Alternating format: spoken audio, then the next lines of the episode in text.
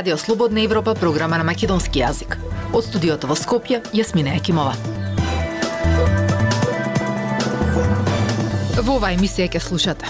Бербок од Скопје. ЕУ ќе си остане на зборот, но мора промена на уставот. Отказ среда породилно отсуство. Како се случи бура по прогнозата на Меѓународниот монетарен фонд за Русија? Следите на. Независни вести и анализи за иднината на Македонија. На Радио Слободна Европа и слободнаевропа.мк.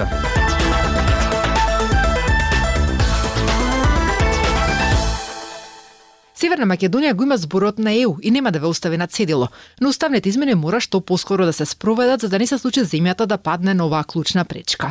Порача германската министерка Аналина Бербок од Скопје.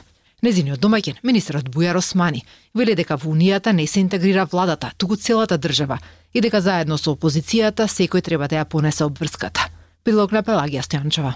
Промената на уставот не смее да стане политичко јаболко на раздорот во надпреварот за популарност во анкетите или надпреварот во тоа која партија на крајот на изборите би можела да има некаква предност.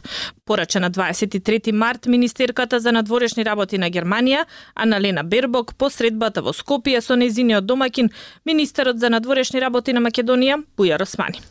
Бербок за промената на уставот испрати охрабрување да се искористат сите расположливи средства за да може процесот да продолжи во наредните месеци и да не се случи да не успееме во оваа клучна препрека. Уставот не е нешто што се менува постојано, туку тоа се важни чекори и затоа и можам да разберам дека се дебатира за тоа. Особено кога станува збор за собствениот идентитет, собствената историја, јазик и култура. Посетата на Бербок доаѓа во време кога се очекува во Македонија да почне процесот за внесување на бугарите во уставот, што е необходен чекор за да може земјата да почне да ги отвара поглавијата во преговорите со Европската унија но за тоа е потребно двотретинско мнозинство, што за сега власта го нема. А лидерот на најголемата опозицијска партија ВМРО ДПМН, Христијан Мицкоски, останува на ставот дека нема да има уставни измени во овој пратенички состав и дека партијата бара гаранција од Европската унија за да не се случи ново вето од Бугарија. Ние имаме а, а, преговарачка рамка на ЕУ, не преговарачка рамка помеѓу една ЕУ земја членка и Северна Македонија, туку имаме преговарачка рамка на ЕУ.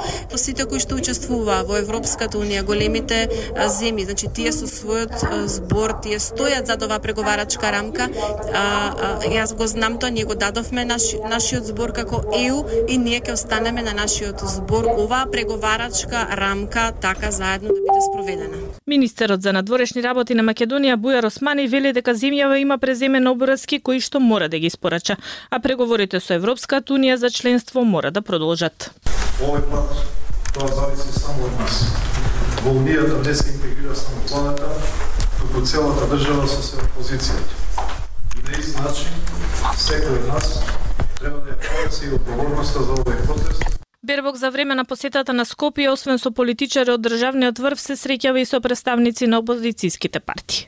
Таа вели дека во демократски општества за промена на уставот на иста маса мора да седнат и власти и опозицијата и во такви моменти да не биде на прво место партиската книжка и изборите, туку прашањето зошто правиме политика. Македонија 19 години во чекалната на Европската унија. На 22 март 2004-та земјата поднесе барање за членство во Европската унија. Бербок вели дека го разбира разочарувањето, особено што знае какви остапки направила земјата на патот кон Европската унија и дека тоа не било лесно.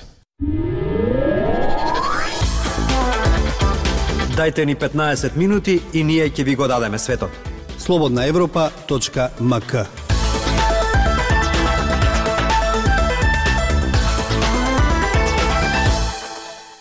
Законот недоволно ги штити бремените жени и оние кои се на породилно отсуство, а институционалната глувост дополнително ги влошува работите. Институциите креваат раца додека бремени жени и мајки на породилно добиваат откази. Слушнете асторијата за младата Филимена Бошковска.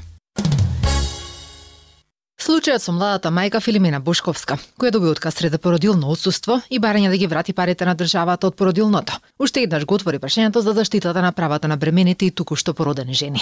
Бушковска за РСЕ раскажува дека работела речиси до крајот на бременоста. Работодавецот бил информиран дека ќе замине на породилно отсуство. Регуларно поднела документи до фондот за здравство за деветмесечниот надоместок за плата додека е на породилно. И првите месеци се било во ред, но не за долго. Прво се соочила со подолго доцнење на исплатата за два месеци, за откако парите конечно и легнале на сметка, да добие барања да ги врати назад, бидејќи била одјавена од работа со отказ. Сам беше шок, викам како законски знам дека не сме да има отказ. Јавив таму, они тоа ти е, не можеш ништо и почнав мейлови да праќам и тоа е лавиринт веќе. Еден ти вика повреден ти е закон за работни односи, барај таму, оди трудова, трудова до тука мислим керенциите и заглавуваш едноставно.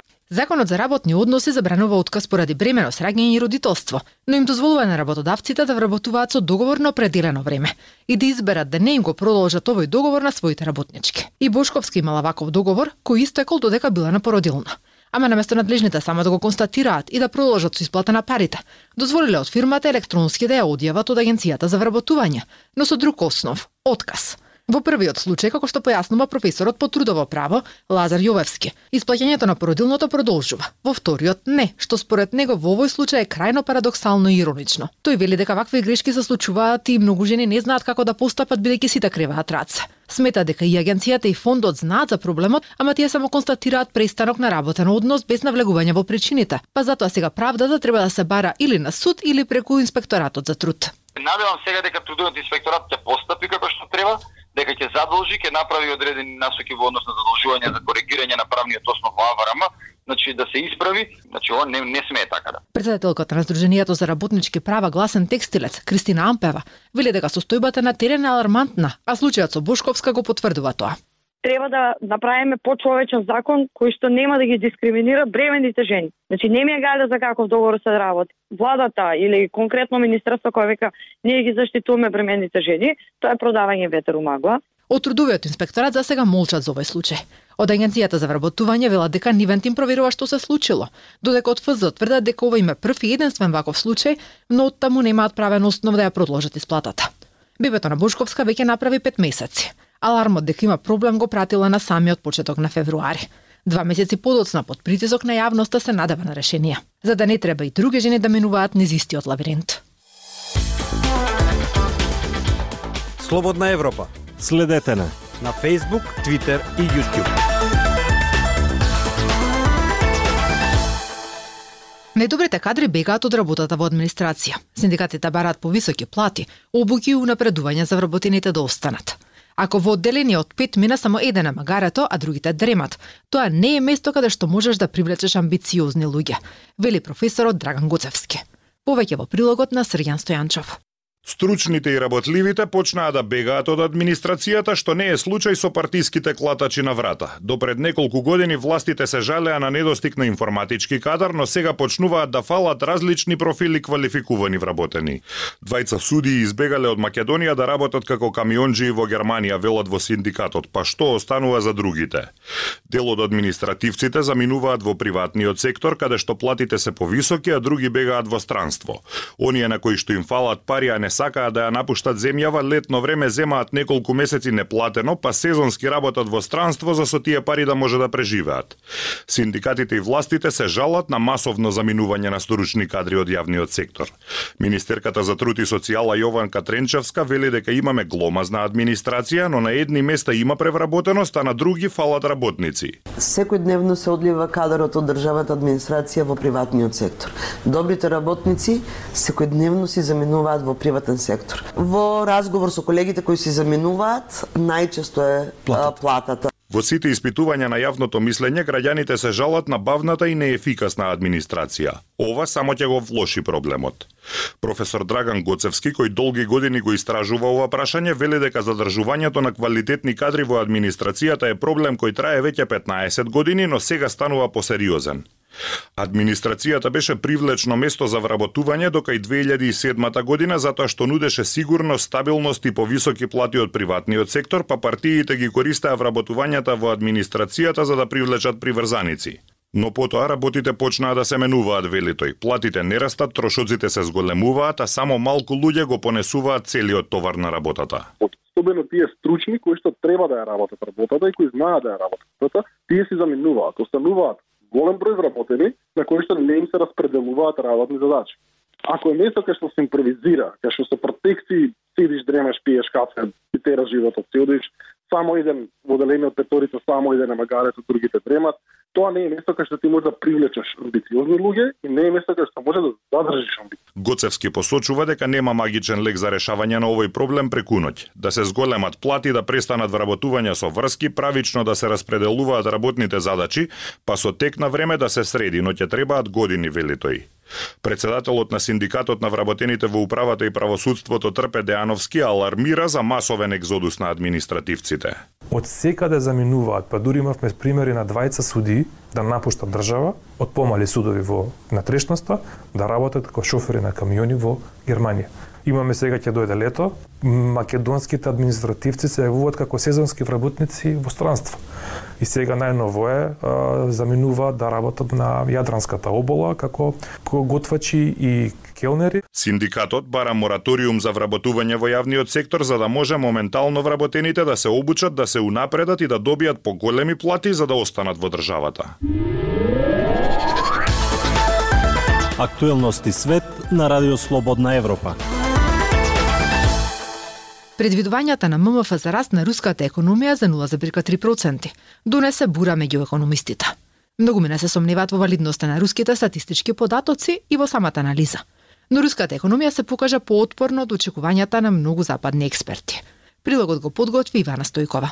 Руската економија повеќе од една година е погодена од серија санкции од Западот кои имаат за цел да ја казнат Москва за незината инвазија врз Украина. Така кога меѓународниот монетарен фонд предвиде дека економијата всушност ќе порасне во 2023 за ускудни 0,3%, кој сепак се раст. Прогнозата предизвика за чуденост меѓу руските наблюдувачи и економисти. Контроверзиите доаѓаат кога незината економија рангирана на 11-то место во светот во 2021 влегува во нов модел. Како и досега новиот модел кој се уште се развива ќе биде поттикнат од нафта и газ, но во исто време ќе биде попречен од намалувањето на човечкиот капитал, бидејќи помладите работници ја напуштаат земјата и се поголем дел од работната сила е убиена или осакатена во борбата. И новиот сега е модел во кој доминираат државните компании кои уште повеќе се подпираат на приходите од нафта и газ, на растичките продажби со попуст во Кина и Индија и во голема мера изолиран од меѓународниот финансиски систем. Таа како Северна Кореја, ниту тие не ги објавуваат своите податоци. Изјави за руската служба на РС Олег Коренок, професор по економија на Универзитетот Вирџинија Комонвелт.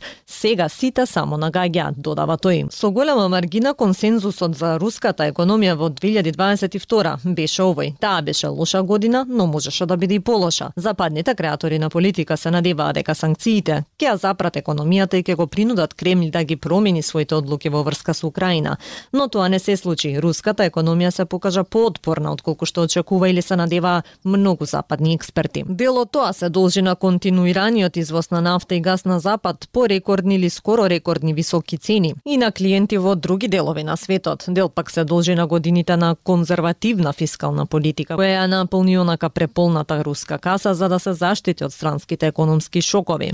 Дел се должи на инвестицијата што ја направија руските бизниси за да најдат нови синџири на снабдување, далеко од западните пазари. Во неделите по објавувањето на прогнозата на ММФ во јануари, аналитичарите ги коментираат низините наоди, тврдејќи дека тие се неверодостојни, погрешни или подложни.